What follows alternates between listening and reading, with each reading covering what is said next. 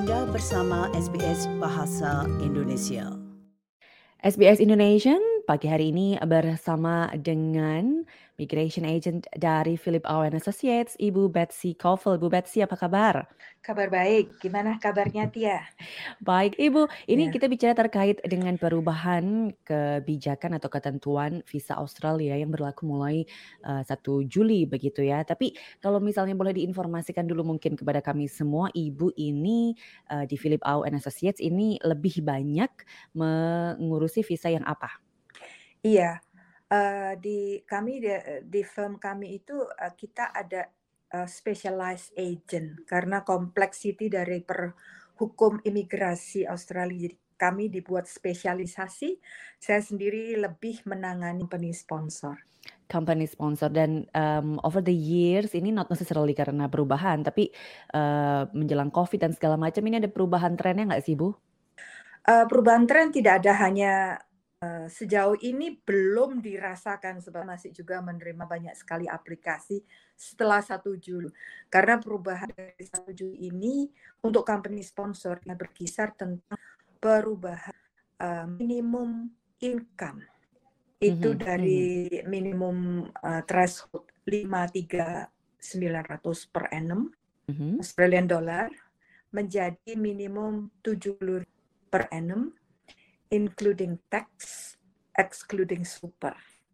Hanya itu saja perubahannya. Tapi sampai hari ini belum saya rasakan karena saya masih lodging aplikasi sih dalam 10 hari terakhir. Jadi Oke, tapi ini berhubungan kalau bicara tentang yang dari TR akan disponsori menjadi PR atau dari apa ke apa? semua. Jadi untuk subclass 482 temporary, subclass 484 professional, dan subclass 186 permanen. Oke, dan semuanya juga memiliki eh, minimum penghasilan yang tadi Ibu sebutkan, sama? Uh, itu minimum threshold itu untuk semua across sponsorship. Mhm, Oke, oke, nanti mungkin lebih detail lagi kita bicara. Tapi Ibu kalau di eh, tempat Ibu bekerja sejauh pengetahuan Ibu, Ibu Betsy ngomong-ngomong sudah berapa lama di sini sebagai migra- eh, migration agent? Sebagai migration agent sejak tahun 2005. Oke, itu silahkan dihitung sendiri berapa tahun lamanya. Tetapi kalau kita bicara Cukup sebenarnya lama. Bu, secara umum ini kalau bicara mengenai kebutuhan visa dari WNI, ini yang paling banyak yang biasanya dibantu juga oleh eh, agensi Ibu ini terkait visa apa? Oke, um, dari agensi kita, kita uh, sangat terbatas untuk visitor visa dan student visa dan tidak menangani um, protection visa sama sekali. Karena untuk mendapatkan proteksi visa kalau kita bicara tentang Australia saat ini dan beberapa tahun terakhir anyway itu sangat kecil. Jadi uh, uh, salah satu code of conduct dari migration kalau kita mengambil kita harus tidak ada garansi tidak ada memastikan ada untuk bisa mendapatkan approval. Kalau kita hanya menerima uang.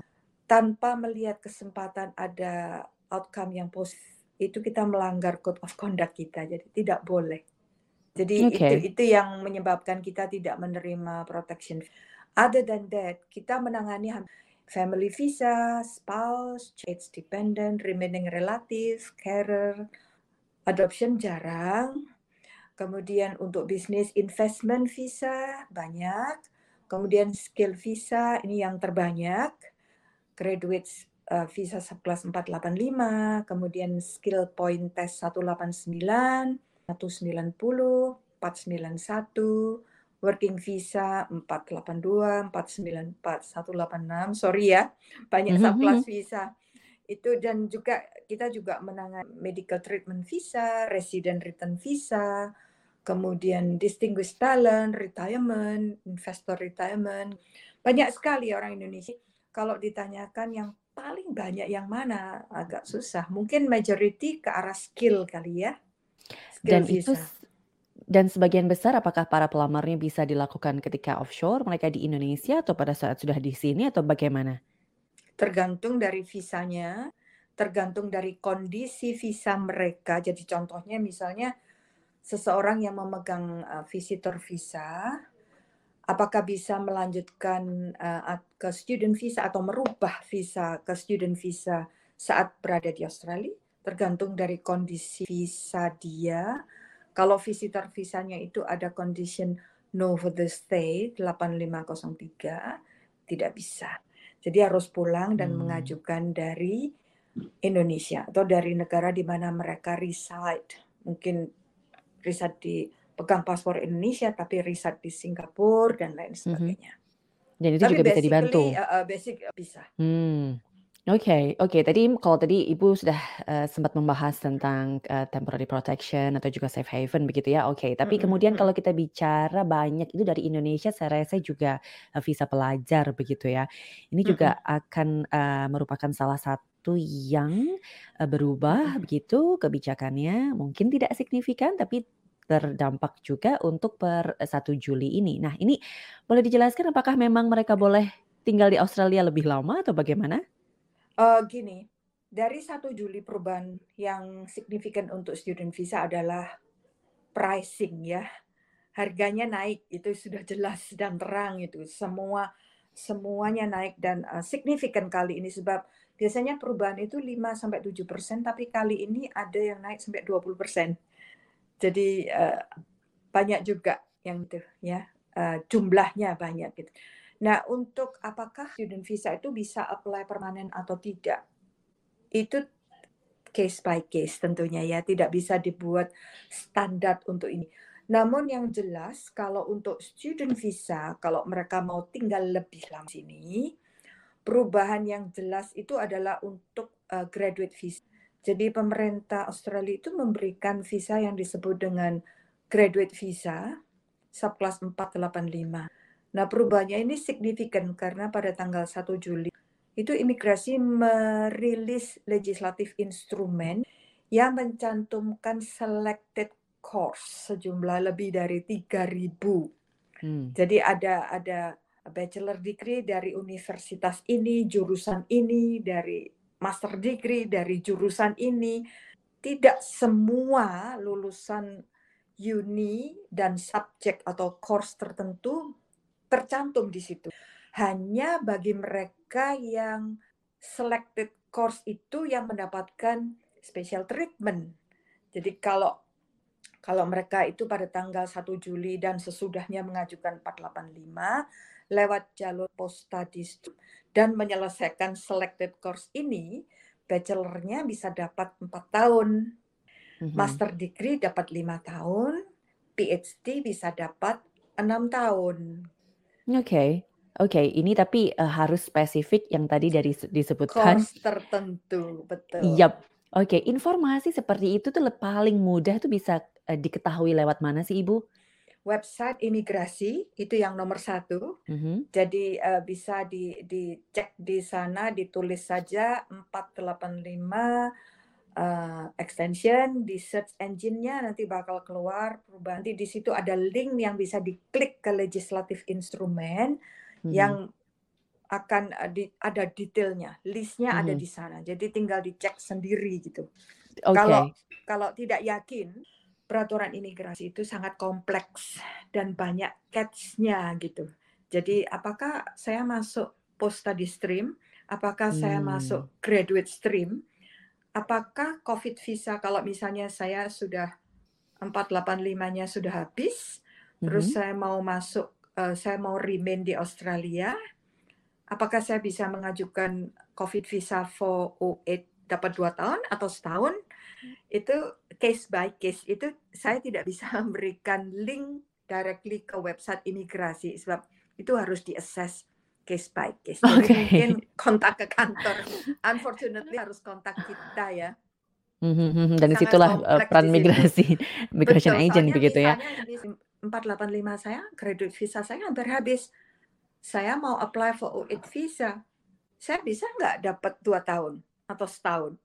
Nanti back ke selected course tadi gitu. Hmm. Kalau nggak di selected hmm. course nggak bisa. Kalau ada di selected course bisa dapat dua tahun. Oh kalau begitu saya akan planningnya saya akan habisin 485 dan uh, uh, mau lodge-nya itu nanti atau kalau gini saya pegang 485 tapi dapatnya tinggal setahun ini saya mau apply COVID visa sekarang. Nggak bisa. Karena COVID Hmm. visa itu hanya bisa diajukan within 90 days dari expiry date visanya. Jadi ini kan catch-nya banyak gitu. Kalau diajukan sekarang nanti ditolak karena Hmm. outside gitu. Nah kalau sudah ditolak nanti mungkin nggak bisa ngajuin lagi karena COVID visa itu ada persyaratan tidak boleh diajukan kalau ada previous visa refusal dan cancellation. Ah. Tapi itu ada tanda petik ya, tidak semua Mhm. case-nya seperti itu. Hmm. Jadi Mhm. uh, quite uh, quite mungkin telepon ke kantor ini lebih baik. Mhm. Jadi guide-nya ada, tapi kemudian case by case ini bisa berbeda, begitu ya Bu Betsy? Betul. Mm. Karena Oke. um, kalau ka- ka- uh, applicant itu tidak memahami penjelasan yang di- bear in mind website imigrasi sangat general, Hmm. understandable ya, dibaca untuk semua orang bukan untuk Ya. menjawab case kamu gitu. Ya. Nah itu tuh kadang-kadang uh, bahasa yang digunakan itu bahasa hukum. Ya. Jadi bisa diinterpretasikan differently kalau nggak paham daripada Fair enough. salah. gitu. Betul. Betul. Soalnya kalau Iya. uh, kalau mengajukan ke imigrasi itu tidak boleh coba-coba, fatal nanti nanti. nanti kalau sudah ditolak sedih ya Bu ya mempengaruhi eh, Betul. berikutnya ke depan. Betul, setuju. Em, Ibu, ini satu lagi juga yang em, selain visa pelajar banyak juga saya rasa anak muda dari Indonesia yang mencoba working holiday visa begitu. Mm-mm, Apakah mm-mm. termasuk juga yang berubah ke Eh, 1 Juli ini? uh, yang berubah ya ya sebab persyaratan yang lain untuk uh, working day visa masih tetap sama, tidak ada perubahan. Jadi umurnya tetap sama 18 sampai 30 dan harus mendapatkan izin secara resmi dari Dirjen Imigrasi Indonesia. Panjang visa tetap masih 12 bulan. Mhm. Kuotanya yang baru ditetapkan untuk financial year ini tetap 5.000. Jadi masih tetap seperti ini. Oke, oke. Jadi untuk yang paling terasa apa berarti kalau terkait dengan working holiday kira-kira? Hmm, hanya fee-nya aja ya yang naik. Mhm, mhm. Sementara ini belum. Oke, apakah termasuk yang banyak menggunakan jasa agensi Ibu kalau kita bicara mengenai eh, WHV ini? Uh, karena kita itu uh, Philip Au and Associate yang Mbak Tia wawancara sekarang tuh base-nya di Sydney. Yes. WHV visa itu biasanya dikerjakan offshore. Mhm, Jadi kita sangat limited service Mhm. kita bis kita bisa kerjakan sebab uh, ratio-nya kita paham dan kita biasanya kantor kita di Jakarta untuk membantu klien sebab mendapatkan izin dari Dirjen Imigrasi di Indonesia uh, komunikasi yang dikerjakan dari sini ke sana kayaknya sudah terlalu difficult nanti. Right. Oke, kita kembali ke eh, topik eh, kerjanya Ibu yang lebih spesifik aja tentang Mm-mm. tentang eh, company sponsorship begitu ya. Dengan Mm-mm. tadi disebut bahwa eh, threshold-nya dinaikkan. Ini mungkin ini memang masih bulan Juli belum terasa, tapi kalau dari pengalaman Ibu, jika ada sesuatu yang berhubungan dengan syarat yang seperti ini, karena satu dekade terakhir tampaknya nggak nggak naik begitu ya eh, syarat Iya, untuk betul. gaji minimum ini begitu ya, dan Seperti kemudian beku ada gitu. Ya, eee, dibekukan begitu. Tapi kemudian sekarang menjadi 70.000 ini apakah akan menjadi sesuatu yang sulit begitu Bu untuk dicapai? Eh, sekali lagi ini tergantung case by case ya.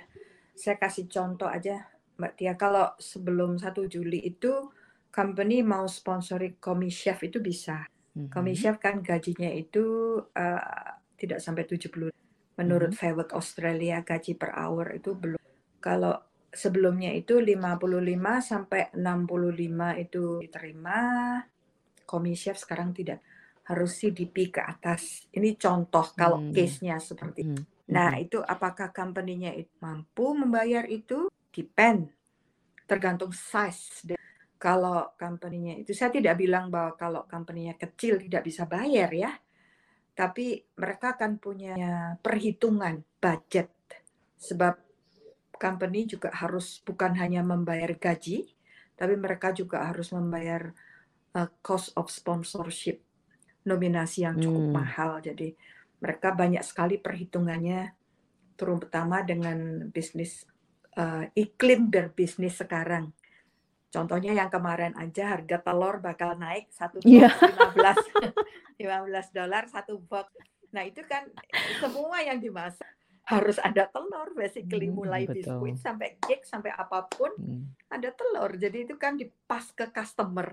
Nah kalau dipas ke customer, customernya eh, sekarang ini udah banyak tekanan seperti ini, mungkin mereka juga udahlah saya mungkin lebih banyak makan di rumah. Hmm. Nah Mhm, kalau mhm. klien eh, customernya turun, otomatis ya mempengaruhi Bisnis terdampak begitu ya? Betul. Hmm. Nah itu Mhm. yang aku bilang bisnis yang skopnya kecil. Tapi kalau bisnis mengena, menengah atau yang atas, itu saya rasa dapat nggak banyak ya, karena mereka betul-betul eh, target marketnya, apalagi yang up market itu mereka berani dan tidak ada Oke. kesulitan bagi mereka itu. Sebab sejauh ini gaji yang ditawarkan itu sudah di atas 70 Mhm, mhm, most mhm. of them. Jadi perubahan ini tidak akan berdampak besar untuk mereka. Oke, di level itu, Bu. Tapi sebenarnya ada workaround-nya nggak sih, tanda kutip, dalam arti kalau misalnya memang ada yang membutuhkan, kemudian seseorang muncul dengan ide, "Oke, bagaimana kalau ini kan hanya di atas kertas nih, Bu Betsy, bisa nggak kalau misalnya eh, saya tulis memang menerima gaji sekian, sekian dengan posisi sekian, eh, posisi tertentu, begitu ya. Tapi eh, pada kenyataannya not necessarily true, begitu. Ibu ada kasus-kasus demikian tidak, Ibu? Uh, it's a big no-no jawabannya, Hmm, hmm, tidak boleh. hmm. Karena apa? Karena yang perlu share dengan tax office. That's the itu yang pertama. Mhm. Yang kedua, imigrasi from time to time mereka melakukan bisnis monitoring. Mhm. Jadi ada inda- kalau saatnya hotel itu semua nanti kena gitu. Restoran semua kena gitu. Nanti didatangin dan kalau um, company-nya itu kalau tidak didatangin mungkin mereka uh, mengirimkan surat. Kalau mengirimkan surat masih oke ya. Jadi mereka akan diminta untuk menyerahkan kopi dari tax document atau assessment, PAYG, income statement, kemudian payslip terakhir, kontrak, job description gitu. Nah, job description itu betul-betul dibaca. Contohnya again chef misalnya. Karena saya tadi kasih contoh chef ya. Ya. Kalau mereka misalnya as a commie gitu.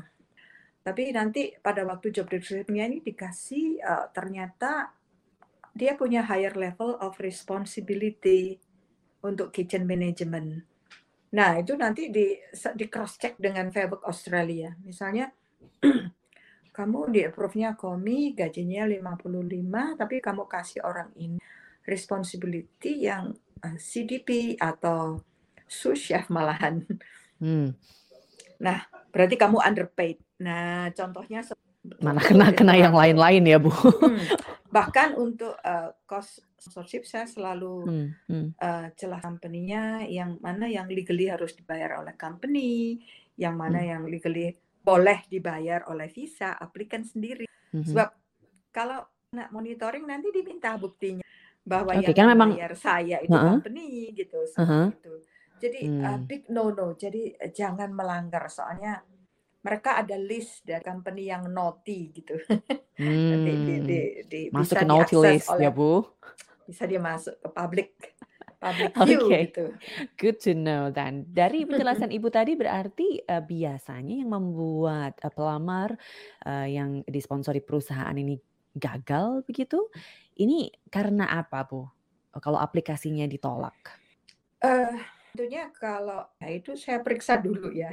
Hmm. Diperiksa dulu apakah skillnya memenuhi syarat, mhm. apakah pengalaman kerjanya memenuhi syarat. Kemudian dijelaskan bahasa Inggrisnya itu minimumnya apa Mhm. gitu.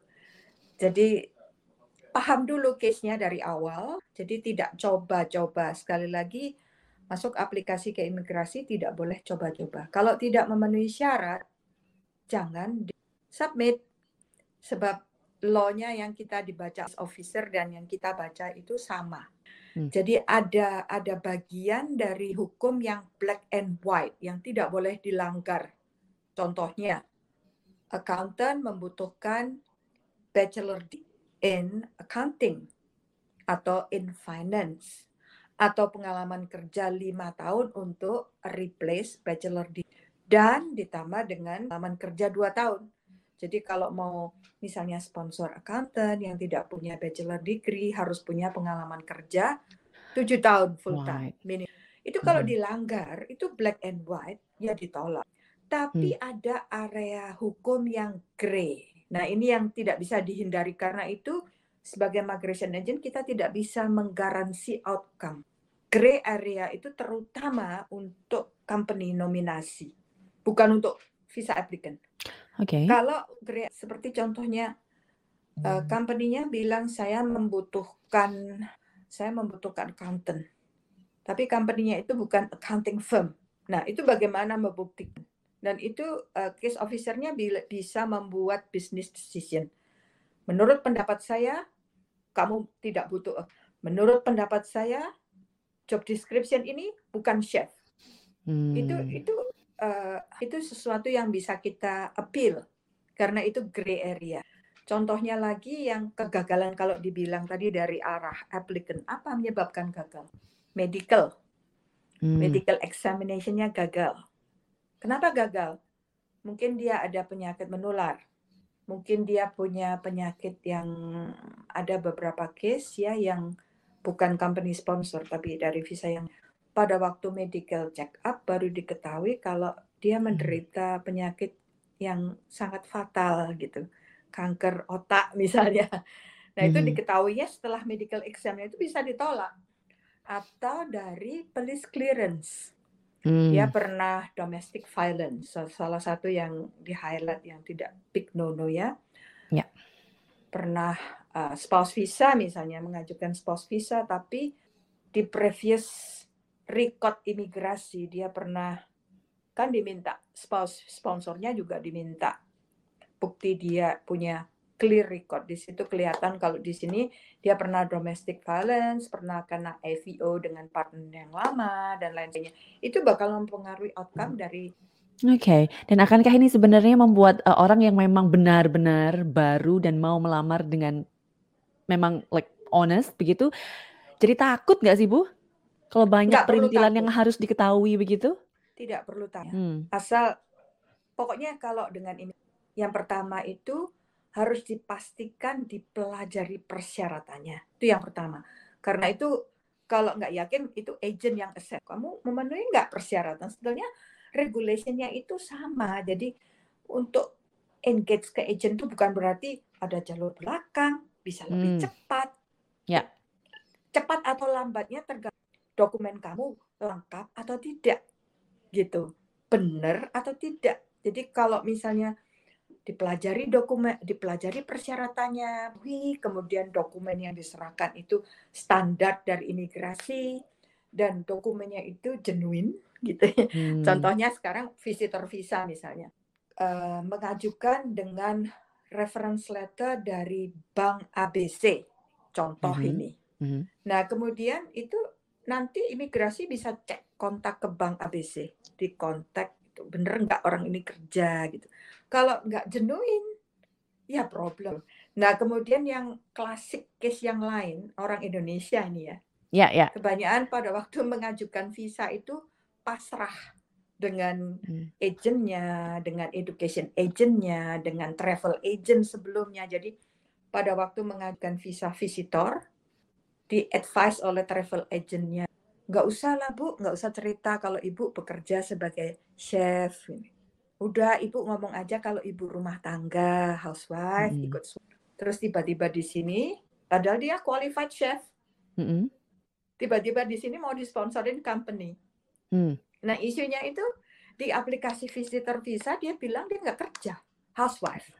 Tapi Right. tiba-tiba dia bilang, saya punya ijazah sertifikat 4 commercial cookery, saya bekerja sebagai chef selama enam tahun di Indonesia. Imigrasinya itu nanti kalau buka case-nya untuk sponsorship, dia akan lihat visanya yang sekarang apa, Hmm. dan dia akan pelajari apa yang sudah kamu serahkan ke imigrasi sebelumnya. Ini ini klasik case banyak orang Indonesia yang menyerahkan total pokok visa. Bagaimana caranya Hmm. entah tidak bohong, tapi tidak Mhm. tell all. Itu Hmm. bahayanya di situ. Jadi kalau seperti itu kan kita harus memperbaiki visa turisnya, menyerahkan dokumen yang Hmm. membuktikan. Itu kan quite complicated ya. Bukan cuma reference letter akhirnya harus bayar pajak dan lain sebagainya. Jadi membuat Hmm. case-nya itu lebih complicated. Jadi kalau ngomongnya kerja di bank ABC for the rest of your life harus tahu dan dipastikan kamu bekerja hanya untuk bank ABC. Bukan kemudian tiba-tiba oh saya lupa. Saya Hmm, kerjanya dulu itu, itu di Mm-mm. bank accountant bukan marketing. Hmm. That's something bukan bohong. Karena yap, orang yap. Indonesia yang gampang. Nggak mau susah di sini, susahnya belakangan nanti. Nanti kalau di cross check harus memberikan ini itu bingung baru begitu ya, Bu. Oke. kemudian hari mau mengajukan visa, bingung. Hmm. Right, Bu Patsy menarik sekali poin-poin yang disampaikan. Tapi mungkin masih ada nggak beberapa hal yang mungkin belum tersampaikan kalau berkaitan dengan saran umum, terlebih mungkin yang spesifik berhubungan dengan WNI biasanya, kasuistiknya bagaimana, untuk supaya kalau kita memang mengajukan visa itu uh, sukses atau paling nggak bukan uh, ditolak kemudian uh, di di highlight oleh immigration begitu Bu. Ya, gini, aplikasi yang masuk ke imigrasi itu rekodnya stay. Kalau sebagai agent stay 7 tahun, kalau imigrasi bisa dibilang stay forever ya. Karena semua kan itu berbentuk soft copy sekarang. Bukan kalau zaman dulu itu eh, saya masih mengalami semua harus paper base. Hmm. Setelah tujuh tahun di destroy oleh mereka. Tapi Ya. kalau sekarang itu, nah karena itu berhati-hati. Semua dokumen yang diserahkan, semua informasi yang dimasukkan di application harus dibaca. Kalau masih mainnya di bawah 18, kamu di kemudian hari bisa bilang, yang memasukkan aplikasi, saya tidak memberikan konsen, saya belum cukup umur untuk periksa.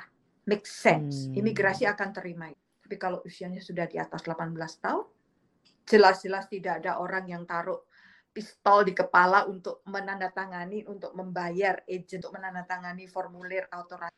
Pasti akan kena baca peraturan dengan baik, serahkan dokumen selengkap yang diminta oleh imigrasi.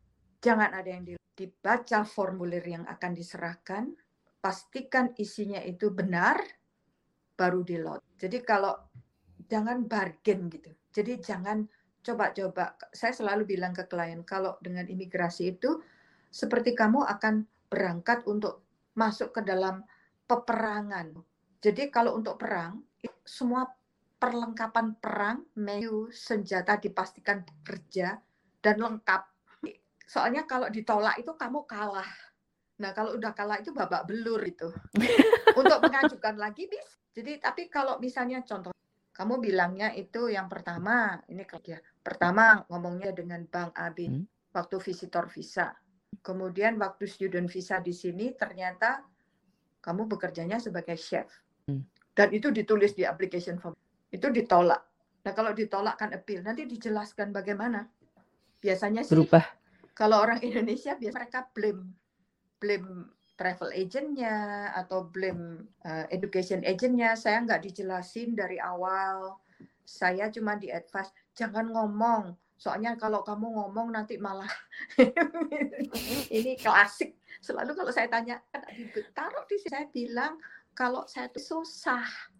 Nah, Mhm. sekarang malah lebih susah lagi karena yang namanya itu ada ada peraturan khusus yang disebut PIC 4020, PIC 4020 menyerahkan dokumen, menyerahkan Hmm. informasi yang misleading. Hmm. Bogus dokumen itu dikeluarkan oleh company yang ada benar, tapi isinya nggak benar gitu Mhm.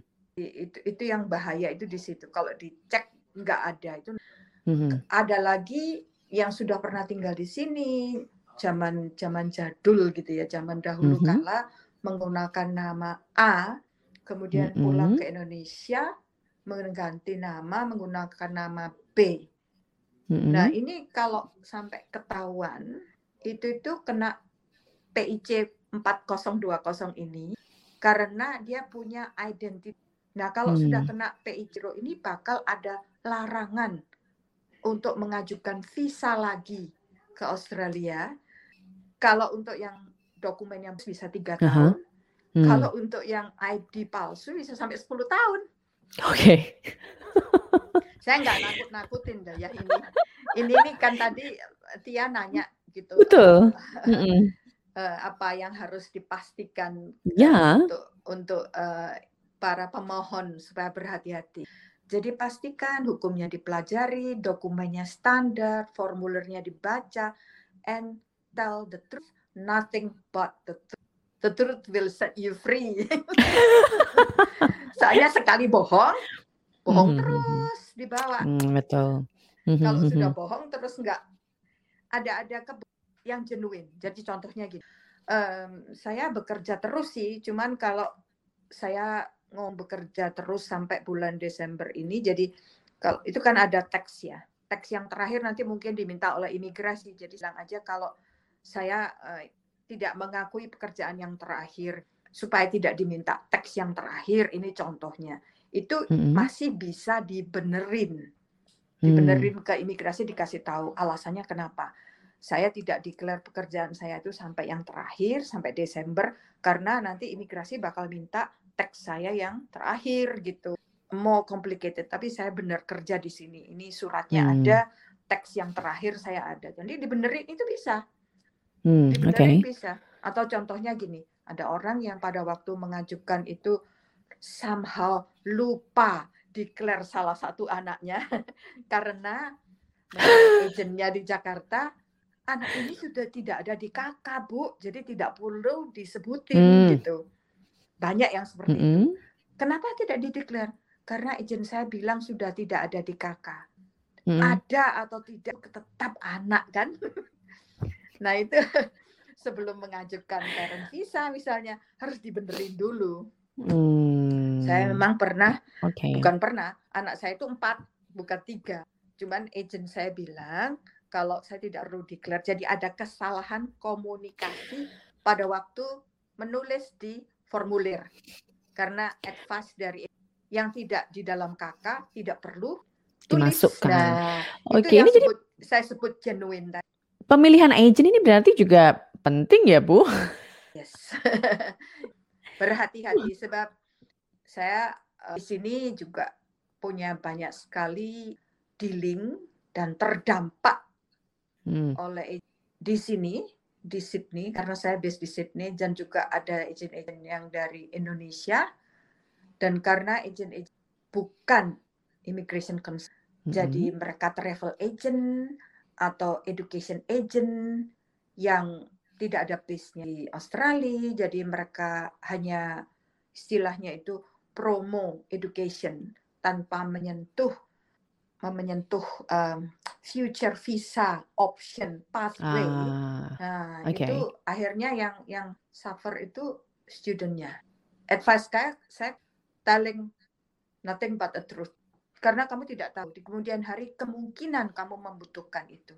Ini such a good point karena eh, awalnya memang mungkin berangkat dari visitor dulu, tapi ternyata kemudian di sini ada study, kemudian berlanjut lagi mau berlanjut Hmm. bekerja dan segala macamnya. Hmm, Ini ceknya bisa mundur ke belakang ya, Ibu. betul, betul, betul. Oke, tell the truth and only the truth. Ibu Betsy, Ya, terima kasih banyak waktunya kali ini. Kayaknya kita bisa nyambung lagi berikutnya untuk ngobrol lebih lama lagi, Ibu, tentang topik-topik tertentu dari keimigrasian. iya Boleh? boleh. Ini Tapi eh, untuk kita sekedar info kita ini ya, se- dari Juli sampai Desember ini bakal ada roster again perubahan peraturan besar tapi kita Mm-mm. tidak expect itu mungkin sampai Desember karena perubahan peraturan des ini pemerintah akan mengganti skill occupation list which is a huge thing. Hmm. Contohnya aja restoran manager misalnya sekarang belum bisa apply permanen tapi kemungkinan bisa untuk Hmm. sponsor visa ya, sponsor visa pathway. Tapi peraturannya Oke, banyak pertanyaan expected. ini yang data saya iya. Hmm. Katanya sudah bisa gitu. Belum. Harus tunggu. Kemungkinan sampai bulan Desember. Nanti kita ngobrol lagi deh bulan Desember. Nice. Ya. Oke, keep you busy always ya, Bu ya. No Pergantian ini. problem. Oke. Help. Sukai, berbagi, komentar. Ikuti SBS program Bahasa Indonesia di Facebook.